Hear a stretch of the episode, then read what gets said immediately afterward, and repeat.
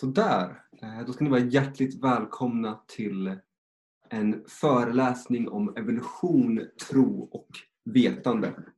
Eh, Lars Johansson kommer att ta oss med på en resa om just det här ämnet evolution och hur man kan förhålla sig till det här ämnet utifrån ett kristet perspektiv. Jag som är er värd heter Hugo Sandell. Jag jobbar som eh, studentsekreterare på Credo-student som vi har här på min vänstra sida, vad det nu blir. Eh, Lasse jobbar som eh, studentpastor på Örebro universitet genom universitetskyrkan och också som eh, lärare i religionsfilosofi vid ALT, alltså Akademi för ledarskap och teologi. Med oss har vi alltså också Jesper Kronhamn som är eh, mikrobiolog och teolog och jobbar som studentpastor uppe i Umeå. Och han kommer ge en kommentar på vår föreläsning i slutet och ställde lite summerande frågor till eh, Lars eh, i slutet av hans föreläsning. Så evolution, ett fantastiskt viktigt ämne och vi på Credo och studentpastor eh, Jesper uppe i Umeå har ju haft ett antal föreläsningar nu där vi har pratat om Jesu uppståndelse, två gånger med Michael Kona och nu senast här med om eh, kemi, eh, kemi, en kemist och fysiker från Chalmers som har pratat om Guds existens och eh, kosmos. Och så går vi in här för evolution. Ett fantastiskt viktigt ämne. Så eh, med de orden så vill jag bara välkomna Lars och säga till dig som är med och tittar att du kan ställa frågor i slutet av föreläsningen och vi kommer också i slutet av föreläsningen ha möjlighet till lite mer gruppsamtal och dialog. Så varmt välkommen och varmt välkommen till dig Lars. Jag ska ta och sätta på lite ljud här så att du kan vara med. Välkomna!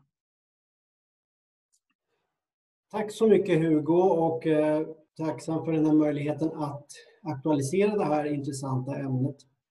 Vi skulle ha haft en föreläsning här i Örebro, ett lunchsnack som vi kallar det, i april kring det här temat. Och ehm, det blev som ni alla kan begripa eh, inställt eh, på grund av den här pandemin som pågår.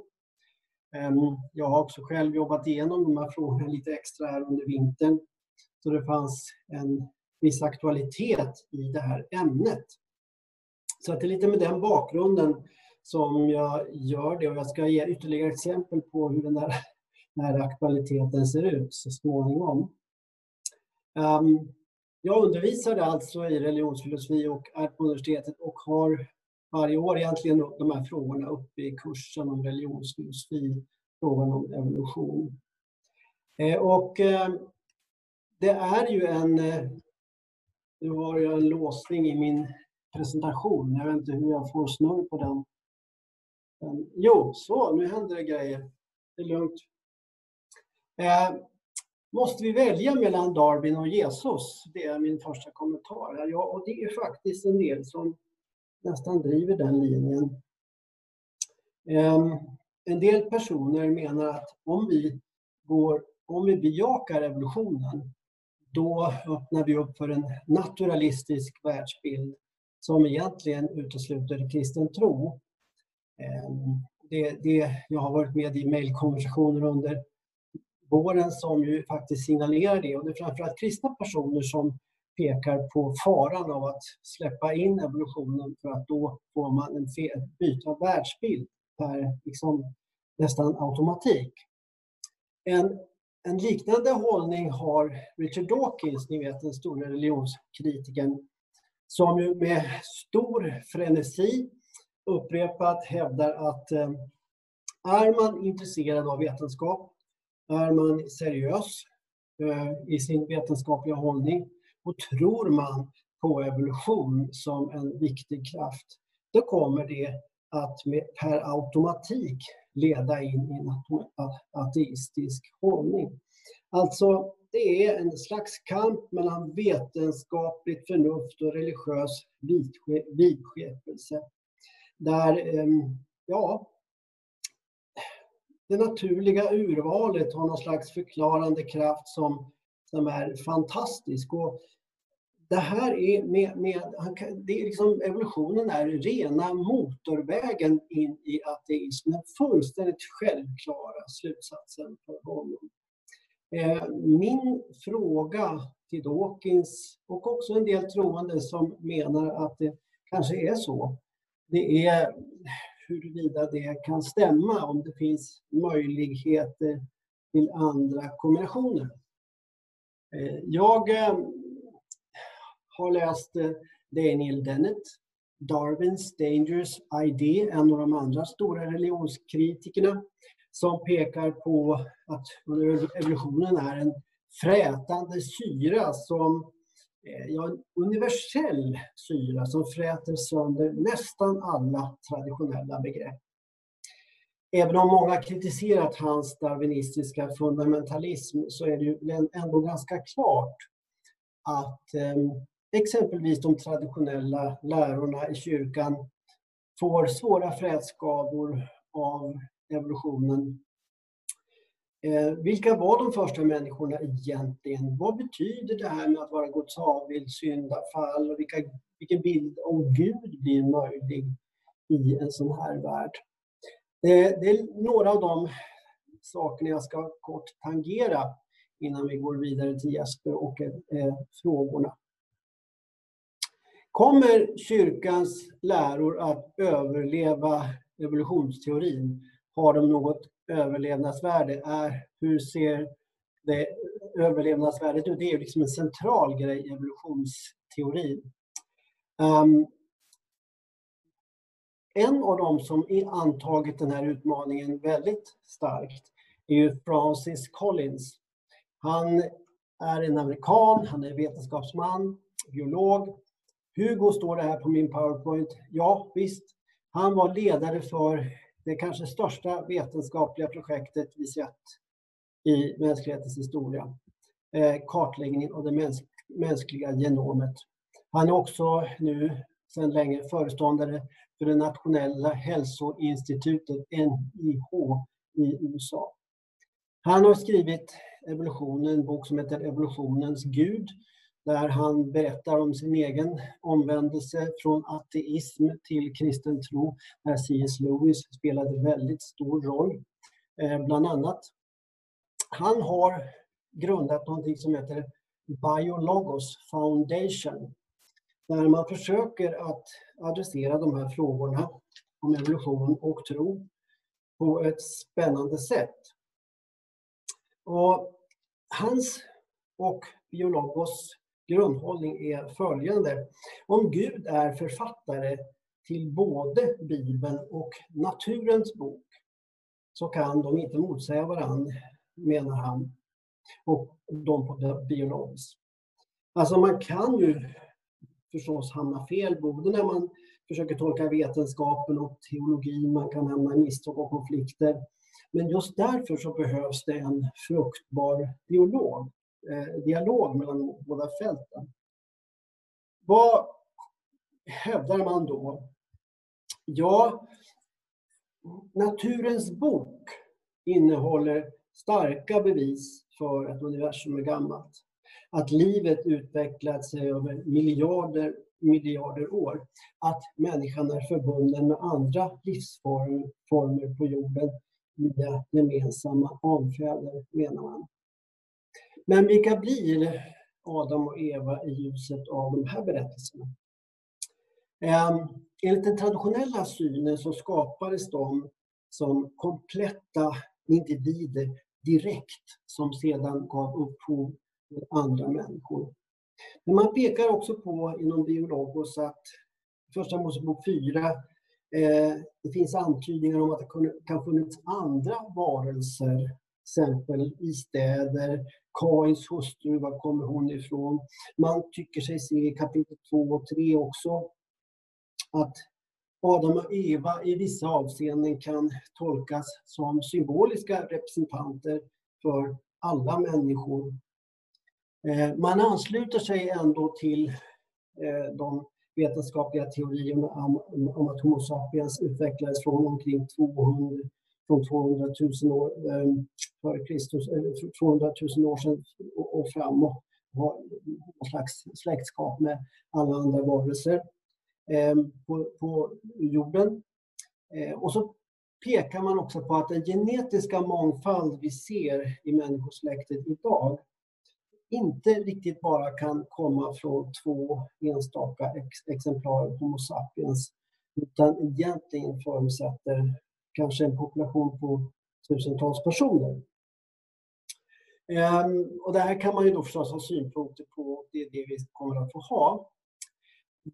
Hur ska man då tolka de första människorna?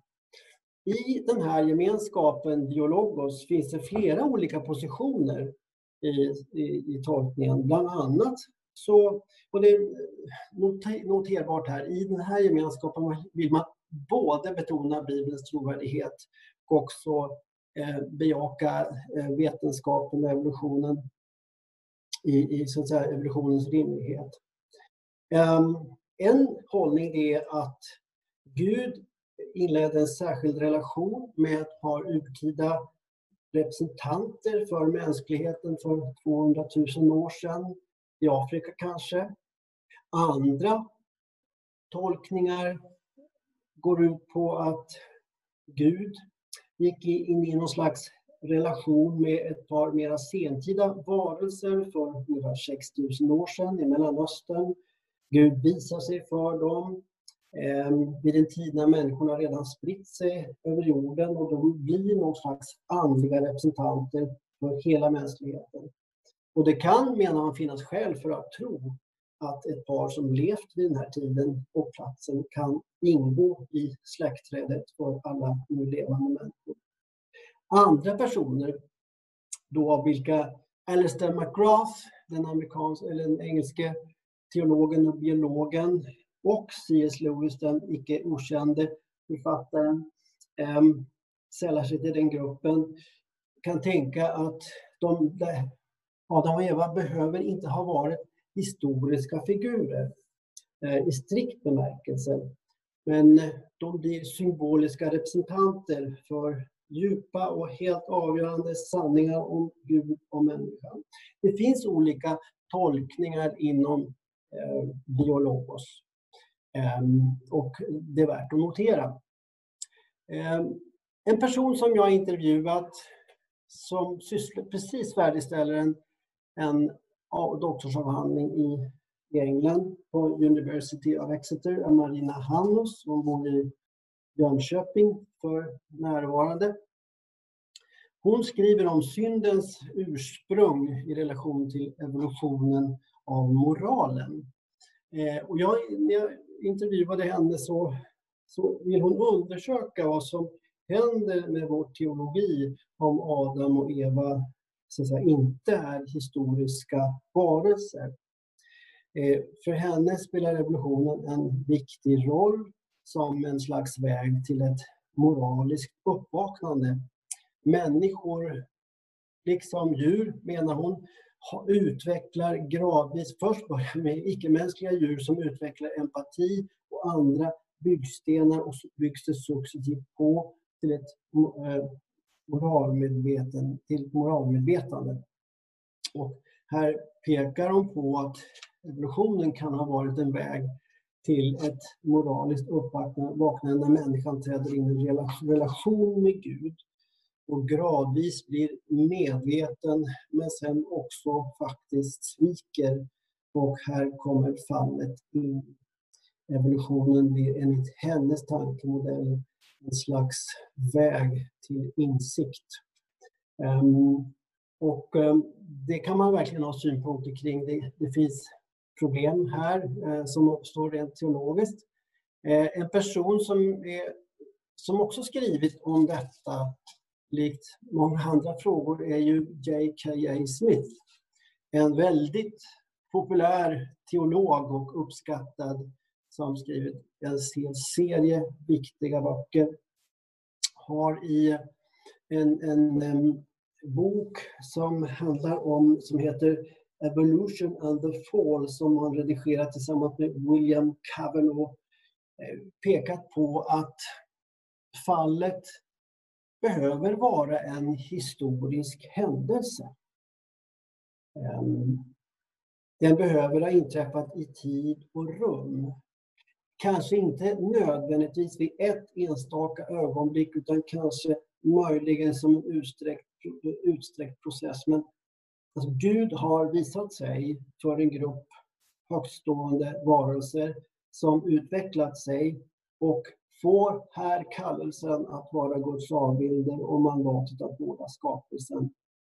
De här varelserna är inte fulländade, vilket också visar sig när de sen faller och sviker Guds avsikter och vilja.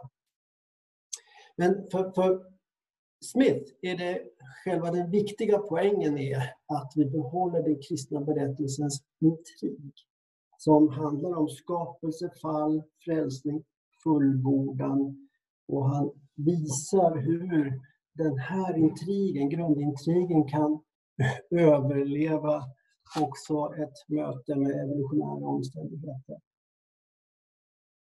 Mats Wahlberg som ju är docent i eh, systematisk teologi vid Umeå universitet eh, som arbetar med ett forskningsprojekt kring utgivande kärlek i en evolutionär värld har jag också samtalat med ganska länge, väldigt länge får jag säga. Ehm, han har väldigt många intressanta synpunkter, tänkvärda sådana. Också han menar att syndafallet behöver vara en historisk händelse. Ehm, inspirerad av en dominikansk teolog och professor i molekylärbiologi pekar han på att Gud har skapat människan genom en evolutionär process. Men vid en given tidpunkt när de biologiska förutsättningarna infunnit sig så besjälar Gud människan och det är också då människan verkligen blir människa. Alltså, Gud lyfter upp en varelse till en särskild status. Och då får också denna varelse ett ingjutande av nåd där Gud beskyddar den här varelsen från de negativa biologiska konsekvenserna av livet i en hård evolutionär värld. Det är någon slags skyddsnät av nåd som läggs över de första människorna. Men tyvärr så var det inte, inte detta så särskilt länge. Utan människorna förlorade den här skölden av nåd och blir indragna i allt svårt som evolutionen och den naturliga verkligheten utsätter henne för. Och han pekar på att ingenting i den här tankemodellen motsäger naturvetenskapen. Det är fullt möjligt att det funnits en grupp människor som Gud särskilt utvalt på det här viset. Och han pekar på att den här, det här fallet eh, blir också det är fullt av smärta och lidande, men detta blir också en väg till djupare kärlek. För han undersöker, han utforskar kärlekens skuggsida i sitt forskningsprojekt. Och så snart vi ger oss in i relationer där vi ska uttrycka kärlek så krävs det att vi är villiga att offra något, att också gå in i lidandet för den andre. Också det negativa ryms i kärlekens väsen. Och här pekar han på att här kan vi se en plats för evolutionens skuggsidor. Där, som ju faktiskt är påtagliga. Kamp, lidande och död. Ehm, så att han arbetar med de tankefigurerna här för att förstå och se det kristna kärleksbegreppet i en sån här kontext.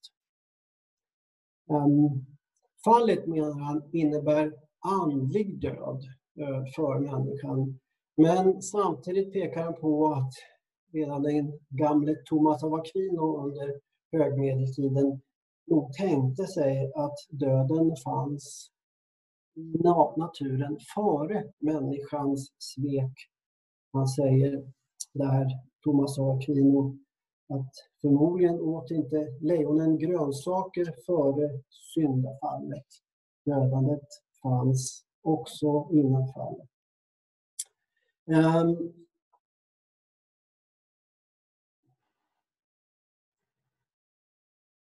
en, så det här är olika sätt att arbeta med teologiska positioner utifrån evolutionen som vi um, eh, går vidare. Då kanske det allra eh, svåraste blir att finna någon bild av Gud som håller i mötet med en evolutionär värld. En av dem som försökt att peka på möjliga tolkningar Christopher Southgate som också är handledare för Marina Handels. Som är en sån här enormt intressant person som är poet och disputerad biokemist och professor i teologi också. I boken The Groaning of Creation närmar han sig den här otroligt svåra frågan och pekar på att eh, Gud är närvarande i skapelsens smärta. Han lider med sin skapelse. Och korsdramat blir det allra tydlig, tydligaste exemplet för den här djupa delaktigheten. Alltså den treenige guden tömmer sig själv. Kenosis talas det om i teologin, men här är det verkligen så att Gud ger sig själv i ett offer för mänskligheten och hela skapelsen. Och då kan korset och uppståndelsen bli delar av en nystart för hela mänskligheten och hela skapelsen. Något nytt har brutit in som handlar om förvandling och helande. Ehm, för honom är Romarbrevet 8 en total nyckeltext. Där får vi läsa om hur hela skapelsen suckar och våndas liksom sträcker sig fram, sträcker, sig, sträcker på nacken som det egentligen står i grundtexten och väntar på en befrielse ska, som ska komma när Guds barn får sin frihet. Och här är man som troende redan delaktig i den frihet som väntar, men vi väntar på en ännu större frihet som ska komma. Och där ligger en kallelse för oss var och en att leva etiskt och ansvarigt i ett föregripande av framtiden. För tio år sedan så publicerade teologen Connor Cunningham en bok som heter Darwins, Darwins Pious Idea, Darwins fromma idé. Och det är en slags kommentar kan man ju lugnt säga till Daniel Dennets bok Eh, som handlar om Darwins Dangerous Idea och den frätande syran. Den här boken är en riktig tegelsten. Jag har den här, den kan man nästan slå ihjäl folk med. Den är en riktig pjäs som har till skyarna överallt. Ehm, um, han har också gjort en dokumentär som heter um, på svenska Dödade Darwin Gud. Och här försöker han peka på att det kanske finns inte bara så att teologin tar total stryk utan kanske finns det möjligheter att förena också en evolutionär tankebana med kristen teologi. Ehm, man behöver inte utan vidare kapitulera för ateism eller naturalism. Ehm, en person som också är förfärligt intressant i det här sammanhanget är Roope Kojonen. Han är forskare vid teologiska fakulteten i Helsingfors. En fantastiskt spännande person, produktiv, kreativ. Jag har intervjuat också honom och ställt frågor kring hur långt Eh, om man går för långt som evolutionsteoretiker här i sina tolkningar av slumpen. Ehm, alltså, det är ju så att man säger att allt tal om avsikt, mening, planering, design betraktas som ovetenskapligt. Men, var min fråga till honom, är en sådan hållning i sig av evolutionsteoretiker en vetenskaplig hållning? Ehm, då svarar Rope att eh, evolutionsbiologer har levererat alldeles för långtgående tolkningar av evolutionen. Och när det gäller design så argumenterar man att det är just på grund av evolution som vi nu förstår hur en omedveten och oplanerad process kan frambringa alla de underverk vi ser i naturen utan att det behövs en skapare. Men att hävda detta är att gå väldigt långt när det gäller teologiska anspråk och det kan man inte basera bara på biologi. Så att här trycker man in en ovetenskaplig och, ska vi säga, eh, religiös tolkning av evolutionen.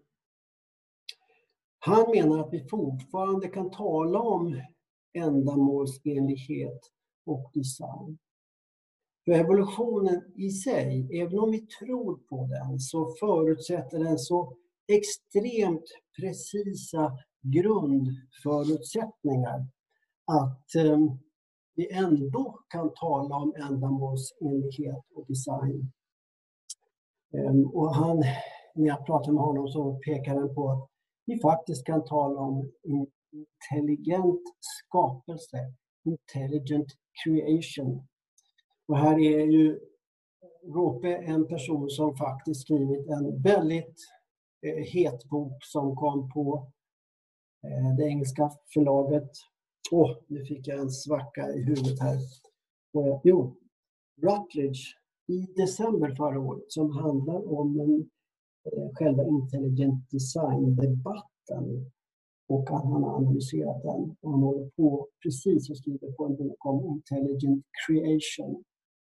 Detta apropå tankarna om att evolutionen skulle utesluta frågor som har med design och teologi och annat att göra. Och det är värt att nämna att flera av de här bidragen som jag nu refererar till finns i ett nummer från tidigare i vår av tidskriften Nord som har rubriken Ursprung som handlar om evolution och tro. Eh, det har fått en del kritik av personer som är knutna till Genesis, Föreningen för biblisk skapelsetro. Eh, och vi kanske kan återkomma till sådana frågor när vi eh, hamnar i frågestunden så småningom här. Ehm, jag vill avsluta med en bild på Francis Collins där han säger The God of the Bible is also the God of the genome. God can be found in the cathedral or in the laboratory. Och här pratar vi han pratar om både Bibeln och Naturens bok tidigare. Och jag tänker att det behöver inte finnas en sån där total en motsättning mellan vetenskap och tro. Där slutar jag och öppnar upp för Jesper. Men då, eh, min, min första tes på det här området eh, som jag tror att Lasse är helt överens med mig om, det är att den grundläggande frågan är vad är det som är sant? Alltså, jag är kristen för att jag är övertygad om att Jesus har dött och uppstått och det som eh, Bibeln berättar om Jesus är sant. Och då är det fortfarande vägledande när jag försöker förstå eh, skapelseberättelsen. V vad är det som faktiskt har hänt? Och eh, då har vi både eh, som Lasse säger, vi har ju skapelseberättelsen och vi har eh, den naturen som den andra boken som vi kan ställa frågor till. Och ehm, jag tänker mig att vi med en, vad ska man säga, nyfiken glädje som kristna kan undersöka hur, hur saker och ting kom till.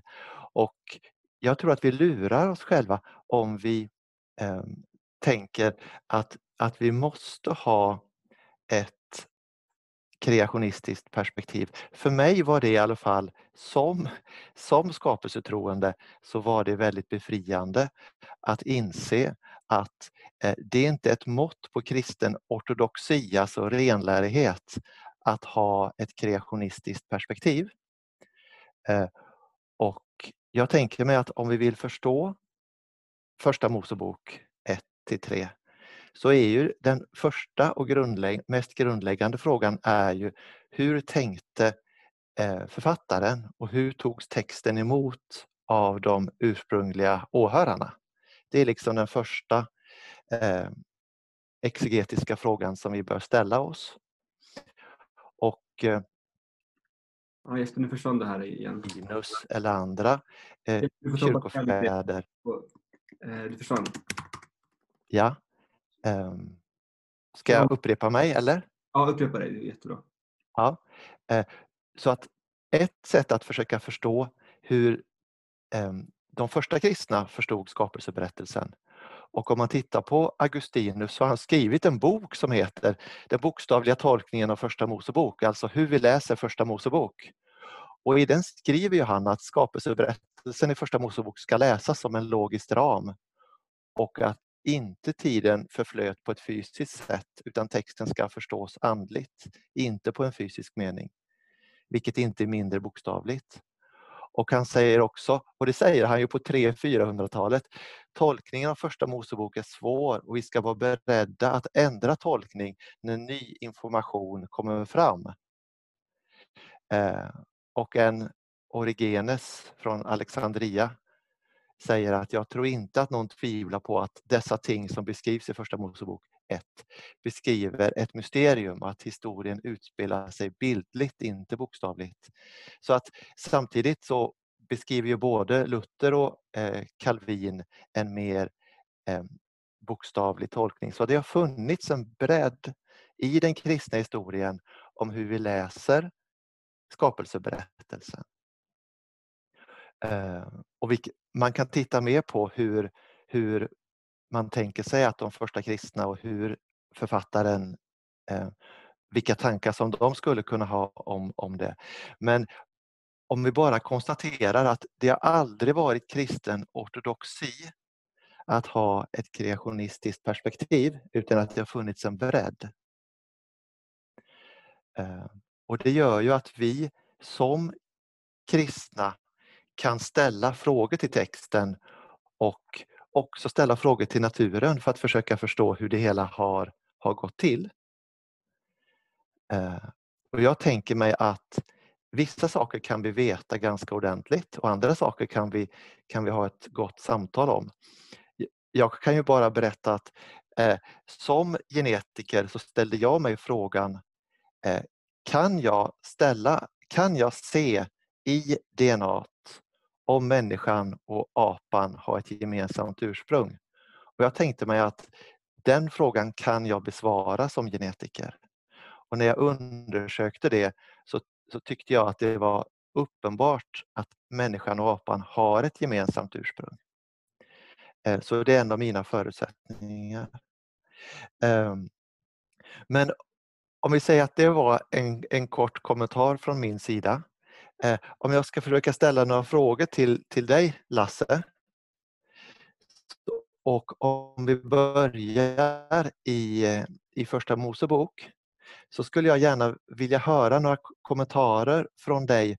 Man säger ofta att det finns två skapelseberättelser. En i Första Mosebok 1 till några verser in i kapitel 2 och sen en som börjar i kapitel 2, vers 4. Skulle du vilja kommentera skillnaden på dem eller är de motstridiga? Och, um, så? Jag tycker nog... Alltså, jag, eh, Varför har vi två stycken? eh, hörs jag på två ställen nu? Så. Är det okej? Okay? Ja, jag... ja, nu, nu hör jag. Ja, utan, eh, utan eh, headset. Mm. Eh, den, den, eh, den frågan, ja, hur tänker du när du ställer den frågan? Vill jag säga. Vad, vad ser du själv för, för liksom, um, poänger i den? Um, jag bollar den tillbaka till dig. Nej, jag tänker mer att, att man säger att det finns två motsägelsefulla berättelser. Vilken är det du tror på egentligen? Alltså att mm. man, man vänder det emot eh, en kristen, eh, att det finns två stycken berättelser och Eh, vad, vad skulle man kunna svara på något sånt? Alltså jag, jag är verkligen inte GT-teolog, det kan jag säga. Eller det, det, så att jag, har inte, jag har inte ägnat mycket tid åt just de, de, där första kapitlen och eh, spänningen mellan de här två versionerna, utan det, frågan är hur ser man, så att säga, det handlar om att tolka människan i sin vidaste mening, i sitt, i sitt skapelsesammanhang. Där, och människans um, uppdrag att ta hand om skapelsen men svek och de enorma följderna av det som det handlar om. Jag, jag, jag kan inte ge ett, eh, ett, som jag hoppas, tillfredsställande, som jag tror väntar ett tillfredsställande svar på den frågan. Som jag själv skulle bli nöjd med i alla fall. Men det kanske finns någon som kan göra det i nätverket här som lyssnar. Mm. Vad har det för betydelse för vad har det för betydelse för den här frågan som vi pratar om, skulle du säga? Um, nej, jag, jag tänker mig bara att se um, en, en fråga där är ju, men vad tänkte den ursprungliga författaren här? Alltså varför har Bibeln den, det upplägget som, som den har? Eh, och hela första Mosebok är ju upplagd utifrån eh, fortsättningshistorier, alltså det, att det börjar med eh, så att man, man, man har det absolut bredaste perspektivet tänker jag i, i Första Mosebok 1. Och det som Första Mosebok 2, eh, om vi tänker sig himmelens och jordens fortsatta historia som, som det står, att det är ett, ett fokus på, på människan där helt enkelt. Så att, man, att det är primärt en inzoomning på eh, skapelsen av, eh, av människan. Um,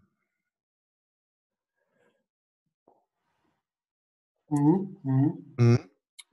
Um. Det är fine. Det, det, är liksom, ja. Nej, för mig blir det, den, så att säga, den, blir, den, den frågan inte het för mig. Men, men. Um, um, men om, om man ser när du undervisar om det här på ALT eller så, vilka är de största frågorna som ni brottas med då? Ja, men det är det jag har varit inne på. Alltså, vad gör vi av människosynen och, och gudsbilden? Alltså, det, är, det är ju verkligen en jättestor utmaning. Um, att, uh, att våga prata om de här sakerna överhuvudtaget. Um, jag kan väl inte säga att vi har haft en stor fokus på de här på, på, i vår utbildning, men att det finns ju med när man går igenom de stora frågorna helt enkelt helt enkelt som, som vi behöver reflektera över eh, inom religionsfilosofin. Det här är en djupt eh, viktig fråga för den systematiska teologin också. Mm. Eh, och för, för mig så, så är det... Det här är så pass svåra frågor i ett evolutionärt perspektiv att man behöver kunna lufta dem eh, i första vändan och eh, erkänna att det finns möjligheter, att det går att tala om de här frågorna. Eh, mm. Och man behöver inte fullständigt kapitulera inför en, en ska säga, vare sig en väldigt eh, ska säga, tuff kreationistisk position eller en tuff ateistisk position. Utan man, ehm, man kan reflektera eh, kring den teologiskt kring den evolutionära utmaningen. Ehm, Men om vi tar de två frågorna, vad är en människa och vem är Gud i, i det här sammanhanget? Vad skulle du säga är en människa och, eh, och Guds avbild? Om du skulle reflektera lite runt det. Alltså det, det är ju det, man, det jag tycker att jag har varit inne på de sakerna redan. Ja. Så att säga att den, människan uppstår Eh, och jag tänker att den här eh, bilden som ehm, Mats Wahlberg målar upp eh, känns väldigt spännande.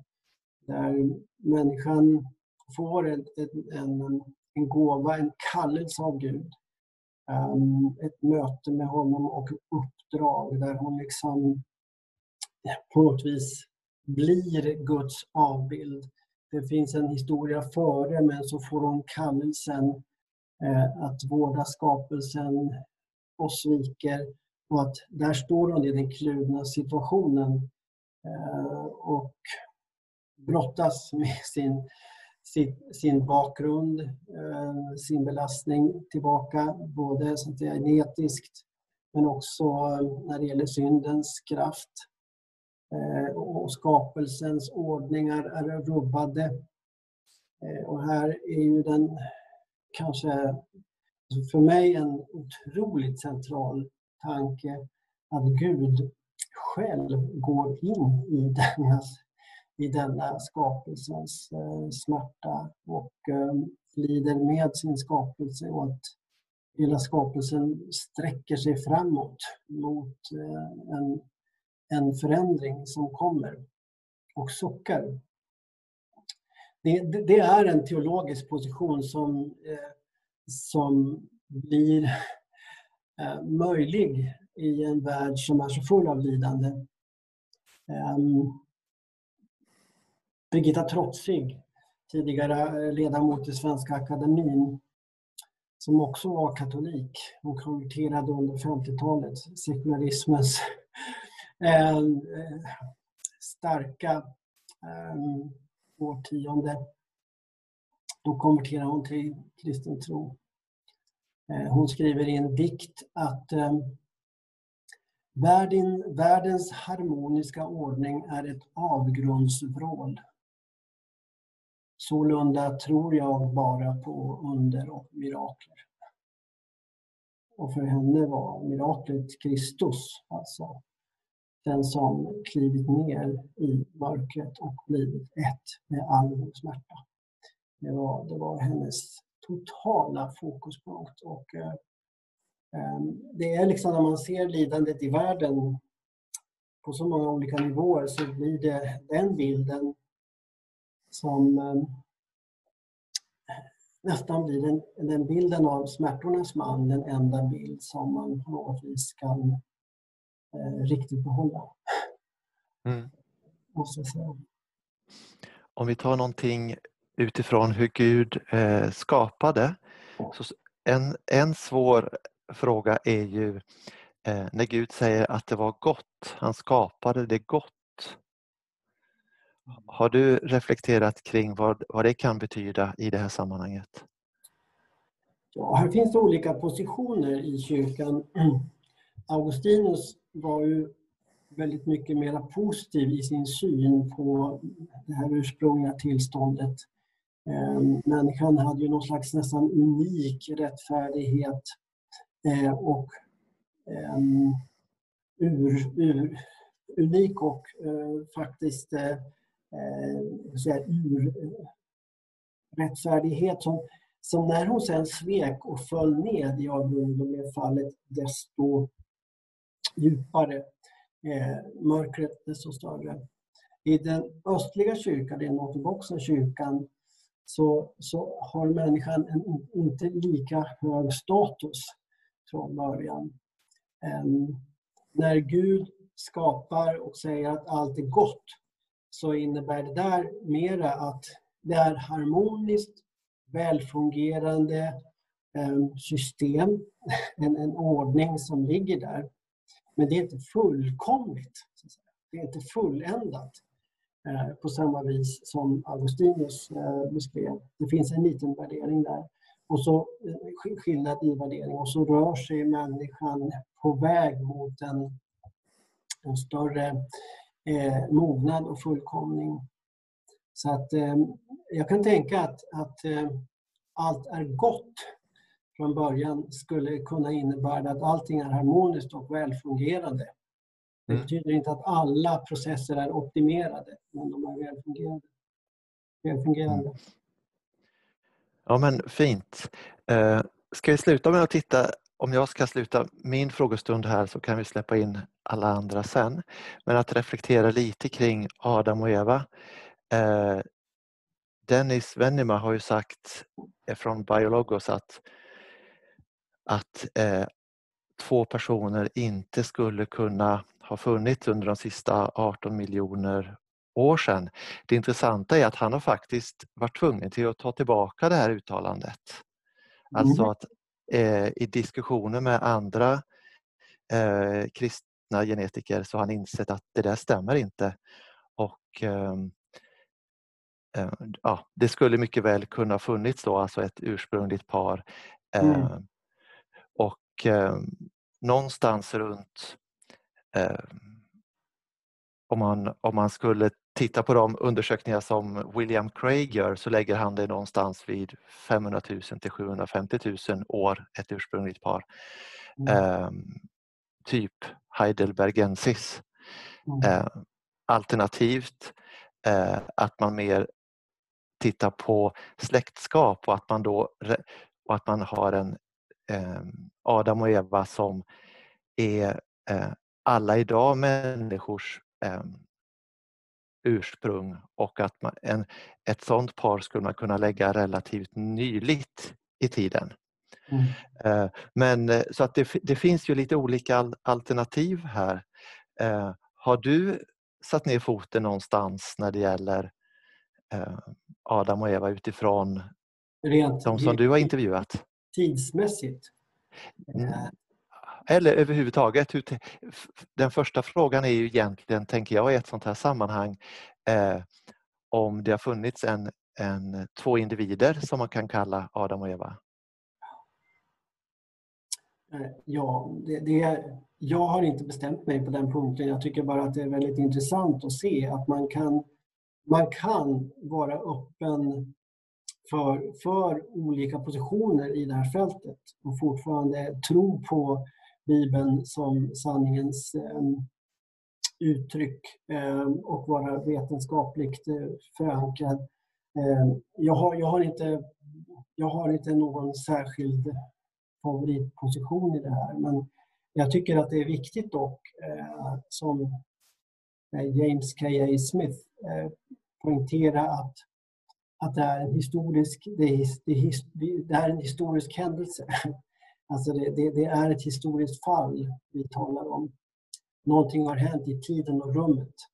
Det är inte bara ett, så att säga, mytologiskt drama som är symboliskt utan eh, där vill jag nog ställa mig till honom ganska tydligt och säga att ja, någonting har hänt i tiden och rummet som får mm. eh, stora konsekvenser.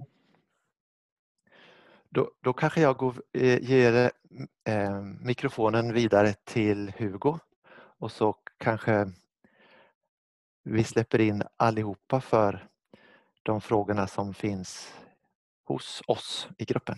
Ja. Tusen tack eh, Jesper för dina frågor och kommentarer. Väldigt värdefullt. Eh, nu är det så att vi kan ta till ungefär tio över och ställa några till frågor och sen ges det möjlighet till att diskutera det här i grupp.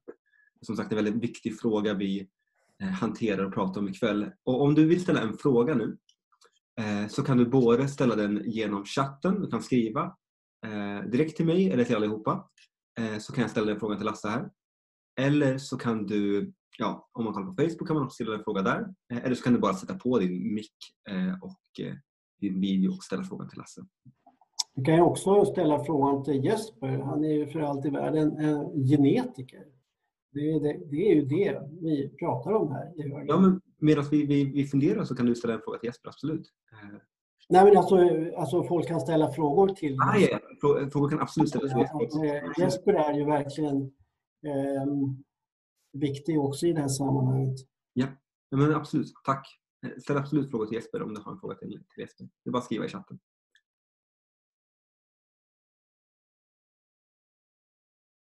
Mm.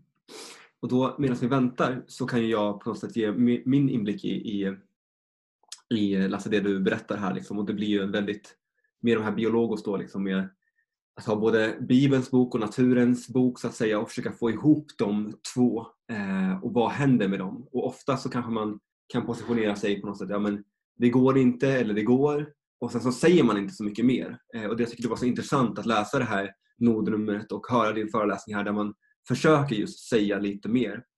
Och jag uppfattar som nycklarna på något sätt för att få ihop en evolutionär världsbild och en biblisk världsbild och den bibliska berättelsen blir ju väldigt mycket det här temat av offer, av, av kärlek och av lidande. Eh, och där det blir liksom en vad man säga, systematisk teologisk och liksom poetisk approach där man på något sätt måste eh, ge utrymme för smärtan och lidandet och det blir själva nyckeln att liksom förena de här två. Eh, och jag minns jag läste Wilfred Stinnesen eh, för ett tag sedan och där han pratade om eukaristisk eh, evolution eller något sånt där. Eller liksom, eh, och just hans poäng var där på något sätt hur allting offrar sig för den andra och därigenom blir tillgängligt liksom, eh, och möjligt.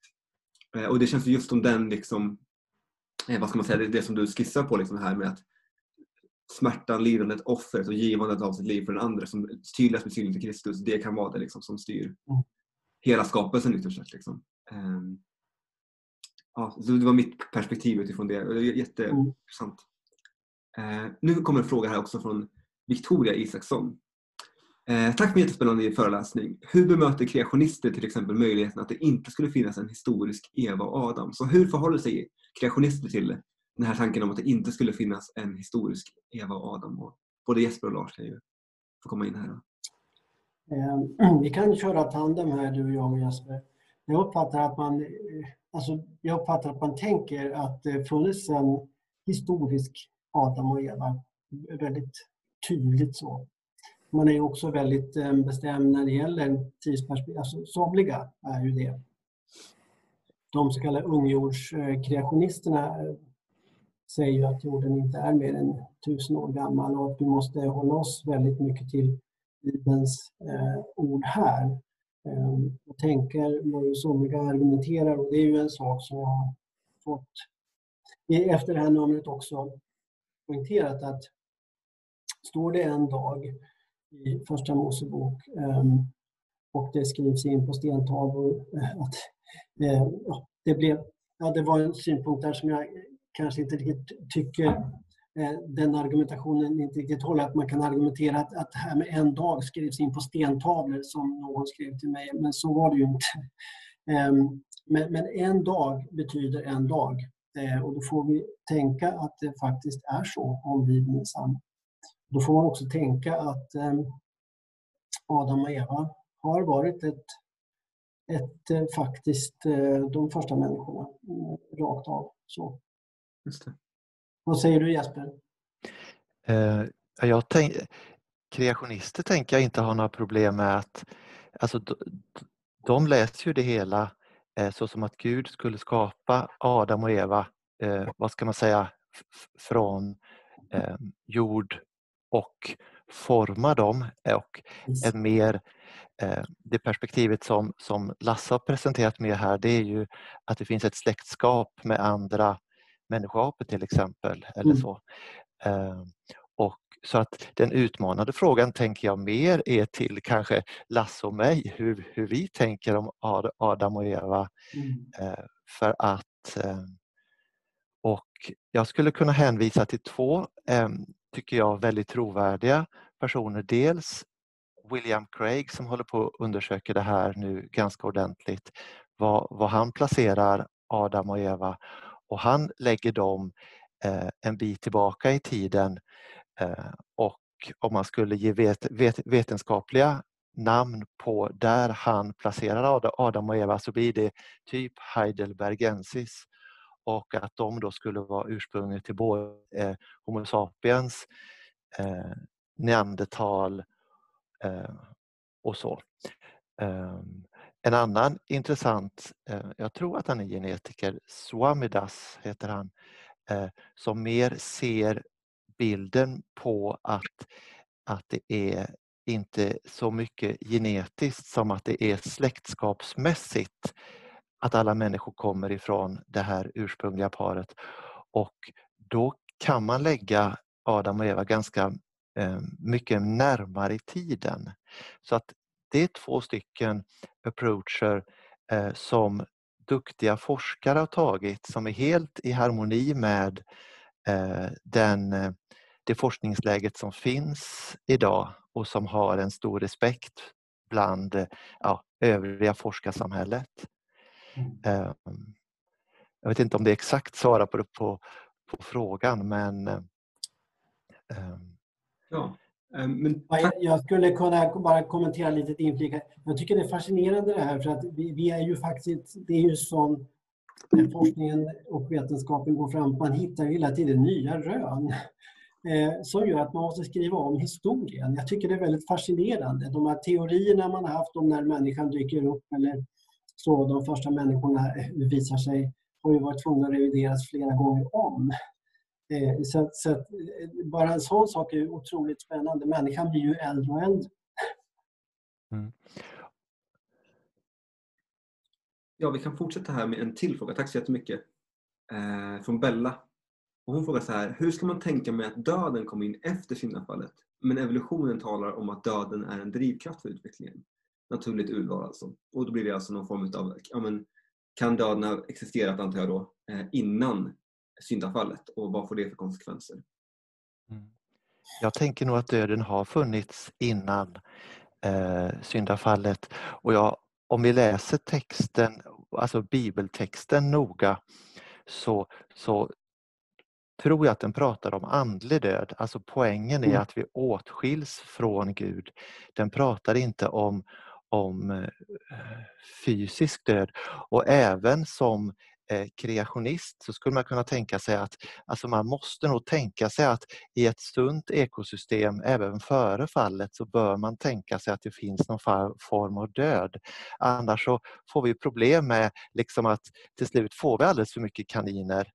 Alltså, eh, så, så eh, jag tänker mig nog att det som bibeltexten säger och det som vi ser omkring oss är att det fanns död innan syndafallet. Mm. Och när Bibeln pratar om död i Romarbrevet 5 till exempel så är det andlig död.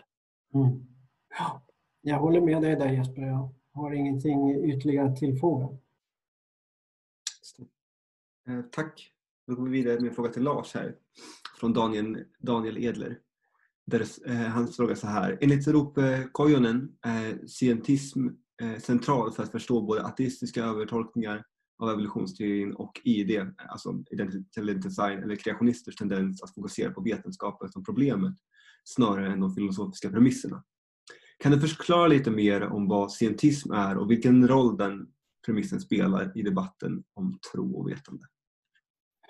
Ja, det är en väldigt är viktig fråga och ehm, eh, scientism är ju vetenskapstro om man översätter det till vanlig svenska.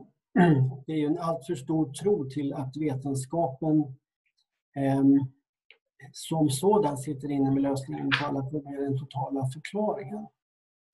Eh, och eh, det är ju jag menar, det är ju jättevanligt att vara scientistisk um, reduktion, man är reduktionist så tillvida att um, om man är religionskritiker så tänker man att, att man reducerar alla frågor Eh, eh, ontologiskt eh, och ser en slags ontologisk reduktionism. En metodologisk reduktionism är, handlar ju om hur man reducerar tillvaron för att göra den möjlig att undersöka rent metodologiskt. Problemet är att många går från inom scientismen från den metodologiska reduktionismen in i en ontologisk reduktionism och säger att de här fenomenen är ingenting annat Eh, och så reducerar man verkligheten till någonting som är ganska litet egentligen. Vetenskapstron är ju en tro på att en alltför hög tro på att vetenskapen sitter inne med den enda totala förklaringen det intressanta med ropekojonen är ju också att de pekar på att man får problem inom intelligent design om man, lägger, om man fäster för stor vikt vid vetenskapen och de vetenskapliga argumenten eh, som en väg för, för som att presentera sitt fall. Ehm, och inte ser att man själv faktiskt behöver de icke-vetenskapliga aspekterna. De som inte kan gå och väga och mäta. Man behöver tro och så vidare för att, för, för att bygga sin världsbild. Man fastnar lite i en fälla helt enkelt. Så ja, jag vill rekommendera den här intervjun som, vi gjorde, som jag gjorde med honom i Nord. Den, ligger ute på nätet faktiskt. På dagens hemsida ligger den kompletta intervjun. I den tryckta versionen så, så försvann en fjärdedel av den bort. Faktiskt. På grund av redaktionellt misstag. Inte, ja. Eh, jag har två i mina händer som Pilatus. Mm. Ja, men, tack så jättemycket Lasse. Eh, jag skulle kunna lägga till någonting. Eh, för att man kan tänka sig att om alla svaren kring evolutionen ligger enbart inom vetenskapen, eh, naturvetenskapen, det vi kan se, då säger vi att eh, evolutionen är eh, icke guidad. Och det som Bibeln säger är att Gud skapade människan till sin avbild. Och jag tror att det är en väldigt viktig sak att säga att den naturvetenskapliga forskningen kan inte säga eh, att Gud inte skapade via evolutionsteorin. Men om man utgår från en scientistiskt perspektiv eller då, då, eh, då ser vi, då eh, kan man då drar man ofta slutsatsen att evolutionsteorin är icke-ledd, icke ledd av någon och inte ledd av mm. Gud heller. Och då, då blir ju skapelseberättelsen falsk, skulle jag vilja säga. För skapelseberättelsen säger att Gud hade en intention, han hade en avsikt, han hade en vilja. Och han skapade människan. Börjar du låta som en rymdmänniska igen? Eh, om man skulle fråga en vanlig, vad ska man säga, sekulär evolutionsbiolog och fråga med något perspektiv att ja, men då kommer det fram något helt annat nästa gång. Det, kan, det behöver inte alls vara människor så, så som vi ser det. Men den stora skillnaden, tänker jag ut, utifrån ett kristet perspektiv, det är att eh, Gud skapade med en avsikt och att han använde evolutionen för att fram människor. Du låter lite kosmisk Jesper. Som vi bör stryka under att det är ett icke-vetenskapligt påstående att evolutionsteorin är oledd. Förlåt? Ja, men tack. Jag, tror jag, att, ja, jag, jag är färdig där. Ja, med evolutionsteorin att, att, att den skulle vara oledd är ovetenskapligt helt enkelt. Att det är mer en filosofisk ståndpunkt än en, liksom, en vetenskaplig ståndpunkt. Um, fortsätter här med några till kommentarer. Angående det här med ja, döden korrekt. Eh, så sa eh, att eh, det är bra att vrida och vända. Eh, och hon pratade om döden. Kanske, alltså döden innan kan kopplas till livets träd. Man var tvungen att äta av livets träd för att överleva så att säga. Eh, och det ser hon som en koppling till det här med att döden skulle kunna existera innan fallet. Då. Tobias Sundedal är på samma linje och har kommenterat eh, det enda som Bibeln säger är att människan kommer att dö om hon äter av frukten. Det finns inget som antyder att biologisk död inte fanns. Och lite samma linje där. Och sen kommer Simon Johansson ställa ut till Sundsvall. Eh, som, eh, från mitt perspektiv, skriver han då, brukar kristna ofta falla i ett av två, i min mening, diken. Som Mikael Stenmark Uppsala universitet benämner konformism och fundamentalism. Och ingen av dessa... Vad, var hållningarna? Eh, fundamentalism och konformism. Mm. Eh, och ingen av dessa brukar tas särskilt seriöst av människor utanför den kristna gemenskapen. Eh, vad anser ni att det finns för utrymme för falsifikationism, tror jag, av gudhypotesen? Alternativt, med andra ord, hur anser ni att gudhypotesen kombinerat med evolutionsteori kan ge en bättre förklaring än naturalistisk evolution? så kan ja, men Gud, komponent av Gud och evolution helt enkelt ge en bättre förklaring eh, än en naturalistisk syn på evolution. Wow, det var mycket på en och samma gång där. Det var många russin i den kakan vi fick. Ja. Um, man kan tänka, jag, jag tänker två ledtrådar. En fråga är egentligen, vad är en människa för någonting? Är vi skapade till Guds avbild i relation till honom eller är vi biokemiska, eh, vad ska man säga, maskiner eller eh, enbart djur? Det kan man ju fråga sig själv. Jag, jag tänker att det finns många ledtrådar i oss som indikerar att, att vi är skapade av eh, en Gud. Eh, så att människan, alltså vi själva tror jag är ett starkt, ehm, en stark ledtråd. Eh, en annan, tänker jag, är informationsteori. Alltså att det har gått ifrån egentligen ingen information, om vi tittar på DNA eller någonting sånt, till väldigt mycket information. Och all information som vi känner det har ju en avsändare. Och man kan fråga sig vad är det för avsändare?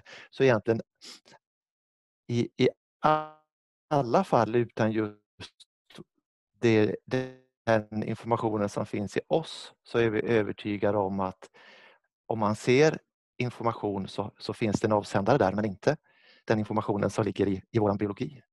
Två korta kommentarer. Mm, mm. Det, det, det, var så många, det var så många saker här i detta. Eh, det, slutgrejen handlar ju om falsifi, eh, den här falsifieringen. Um, möjligen. Alltså, en naturalistisk... Jag menar, vi, vi, vi, är ju inte... Det är inte möjligt för oss att nå full säkerhet i den här världen ens när det gäller vetenskapliga rön. Menar, det här är ju the million dollar question inom, inom vetenskapsteorin. Eh, är det verifikation, är det falsifikation eller vad i all världen är det eh, som avgör vad som är giltig kunskap? Eh, och här måste jag ju ändå fråga dig, du menar alltså, vad skulle kunna eh, falsifiera kristen tro? Är du inne på det? Det måste vara en liten följdfråga. Ja, Simon, vad säger du? Du kan väl skriva eller svara här. Ja, jag, jag orkar inte skriva så jag hoppas att det blir... Ja, det är bra. Nej, alltså, jag har väl mina egna lite teorier kring det här, men jag tycker det är den intressanta frågan, inte minst apologetiskt vid samtal med folk som inte tror. En rent konformistisk linje leder ju oftast till det som Henke skriver här sen i, i chatten. Eh, medans en, en fundamentalistisk inte heller tar seriöst. Jag, jag tänker mer de flesta inom vetenskapssammanhang, även om det är en debatt, det är väl fler ändå som, som, eh, som håller sig till falsifikationism än verifikationism om man nu säger så. Det är i alla fall den uppfattning jag har. Och då, då tänker jag att det, det är intressant apologetiskt att presentera ett fall, ett argument där just gudshypotesen kombinerat med evolution kan anses ge en bättre förklaring. Och jag är mest bara intresserad av era tankar kring det. Mm. Alltså, ja, eh, men det beror på vilken nivå vi talar. Vi, vi ska försöka liksom på vilken nivå vi ska formulera oss. Om, vi, om det handlar om ett slags strikt eh, filosofiskt argument eh, eh i slutsatser i olika steg och så, eh, som William Lane Craig brukar ägna sig åt, när om vi pratar, pratar en mer teologisk approach.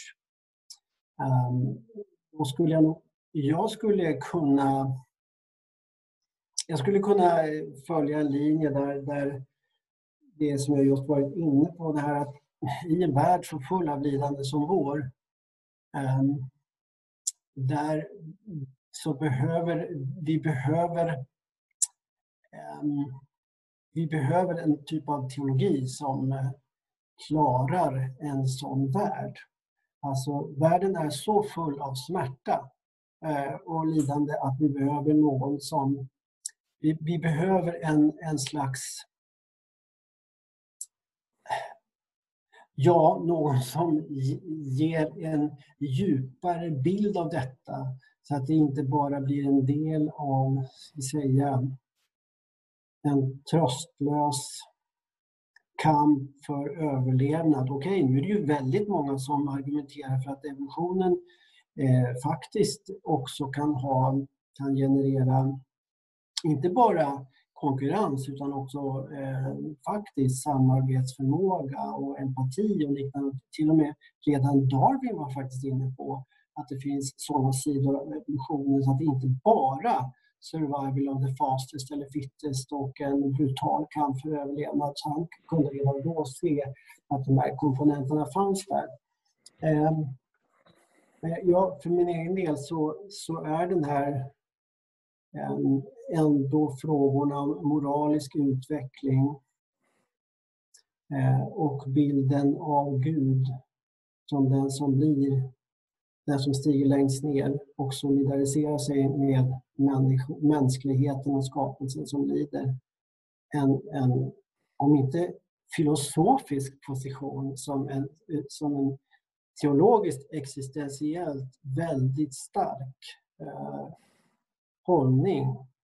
Den hjälper mig att möta en värld som är full av lidande. Um, möta människor som just har förlorat sina närmaste. Eh, som, som, man gör, som, man kan göra i det jobb som vi står i på, eh, på universitetskyrkan.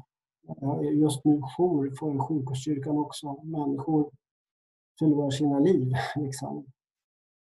Um, i, också nära vänner faktiskt under de senaste veckorna på ett sätt som är um, omskakande. Uh, och till vem går jag då? Vem tror jag på då? Liksom? Ja, ja, det är den här, den här guden som jag talar om faktiskt, som ändå är förtrogen med smärta. Men, men, men, men jag, är, jag är inte inne, jag tar inte tillvara de här eh, falsifikationsmodellerna ordentligt, men, men det, det finns ju eh, religionsfilosofiskt många olika positioner där, där en del har hävdat att ja, tron är av det slaget att den, den är icke falsifierbar. Det finns ju inga omständigheter eh, så att säga, som skulle omkullkasta tron. Det är ju en av de stora kritiska frågorna från, religions, från somliga kritiska religionsfilosofer mot, mot eh, den kristna teologin. Men det, det finns ju faktiskt eh, exempel på, menar, uppståndelsen är en sån här fråga som är falsifierbar i princip. Alltså det skulle ju faktiskt kunna dyka upp människor med kvarlevorna av Kristus och peka på att allting har varit fejk hela tiden. Um, alltså uppståndelsen är i princip uh, falsifierbar. Uh, vilket är intressant. Den kristna trons kärna är i princip eh, falsifierbar um, och öppen för um, stark kritik. Så att det är inte bara helt och hållet ulligt, bully stuff. Um, och för min del så, så att säga, jag jobbar ju och undervisar i religionshistoria också, så skiljer sig den kristna tron där från alla andra övertygelser som är mer principiella, mer eh, mytologiska eller etiskt principiella eh, och inte så förankrade i tiden och rummet. Den kristna tron är förankrad i tid och rum, vilket gör den eh, unik jämförelsevis, men också unikt sårbar. Eftersom vi rör oss i tiden och rummet så har vi också möjlighet att ställa frågor, pröva, förkasta, vrida, och vända, falsifiera. Eh, som sagt, uppståndelsen är i princip eh, fals falsifierbar, också i praktiken. Ja, något i alla fall. Jag, jag håller med Lars i vad, vad han säger. Eh, Albin Plantiga gör ju ett evolutionärt argument emot naturalism genom att peka på att den evolutionära eh, selektionen ska vara för överlevnad och att vi inte ska vara primade för sanning. Eh, jag tror att man kan uppfatta det här argumentet olika starkt men det är ändå in, man kan ändå se hur starkt vi människor är intresserade av vad som är sant. Mm. Och även om eh, den evolutionära mekanismen då ska ligga på, på överlevnad och man kan fråga varför och till vilken grad det beror på att, att vi har ett ursprung uppifrån. Sen skulle man kunna lägga till när man ska falsifiera att Gud har ju skapat oss till fria individer och i det ligger någonstans att Gud inte tvingar sig på med eh, att ställa sig framför näsan och tvinga oss att tro på honom utan han är ute efter en kärleksfull relation där vi också, där represent, tänker jag någonstans där han respekterar människan så djupt, så djupt så att vi även får välja fel. Och kanske även att han tillåter att det finns en intellektuell grund för att välja fel. Ja, det är intressant, ja. verkligen. Ja, Jag pausar där. Just det. Tack Simon för det du skriver. Eh, Jag tänker så här. Vi är redan inne i en diskussion och det finns fler frågor än jag hinner skriva. Och vi har redan börjat liksom en diskussion i själva chattrummet. Så jag tänker att vi delar upp oss i grupprum.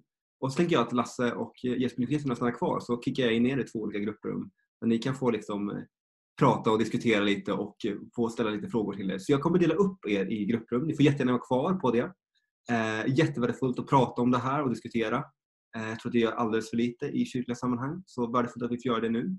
Och innan vi delar upp i grupprum vill jag bara säga att om det är så att den här föreläsningen väcker tankar och funderingar, teistisk evolution som jag pratade om idag, är ju någonting som kanske man inte är så van vid ibland eh, från ett kristet eh, sammanhang. Eh, så skriv gärna frågor då till oss på Kredit Student och skulle du vilja höra en annan position representerad eh, från en föreläsning från Credo eh, så är det bara att skriva till oss också så kan vi se till att det sker. Tack så otroligt mycket Lasse. Eh, Du ska få säga någonting innan vi går till gruppsamtal. Eh, Och eh, tack så otroligt mycket Jesper för att ni har tagit er tid att eh, hålla den här föreläsningen. Och tack till Universitetskyrkan också som har gjort det här tillsammans med Credo Student. Och vi har mer, fler och fler frågor på tolkelare också. Och du måste dra Simon. Samma. Men vi, jag kan säga några saker till slut. ja, absolut. Jag lämnar ordet till dig här och så går vi in i mindre rum sen. Den här Francis Collins har ju skrivit eh, en bok som heter Evolutionens Gud. Jag har den här för att den heter En Guds språk. Den kommer i en ny utgåva, den heter Evolutionens Gud. Det har ju kommit en bok här i höstas som heter eh, I början skapade Gud, en antologi om, kristna skapelse, om den kristna skapelsetron som driver en, en mera kreationistisk hållning. Eh, sen har jag den här Darwins Pious Idea av Connor, Connor eh, Cunningham som ju, eh, jag viftade med förut. Det här är ju en av många, det finns jättemånga böcker om detta. Det Finding Ourselves After Darwin. En lysande titel. Conversations on the Image of God, Original Sin and the Problem of Evil. Mm. En riktig bäse med, med riktigt tungnamn i och mer finns. Vill man ha lite mer light-version som finns i det här numret av Nord och också och så vidare. Samtalet fortsätter spännande. Yes. Tack Lasse. Vi skulle kunna lägga upp de här böckerna också i kommentarsfältet sen på Facebook-eventet. Mm. Så kan man få tillgång till de böckerna. Jag så att jag delar upp eh, oss här i samtal. Eh, vi blir sex stycken per rum. Eh, och så Lasse och Jesper, ni får jättegärna vara med också så blir det väldigt värdefullt för samtalet tror jag. Så kan jag gå runt lite i de olika rummen. Eh, vi kör ingen återsamling utan när du känner att du känner dig klar för kvällen så är det bara att säga hejdå och så eh, önskar vi dig en fin fortsatt kväll här. Så delar upp i rummen här.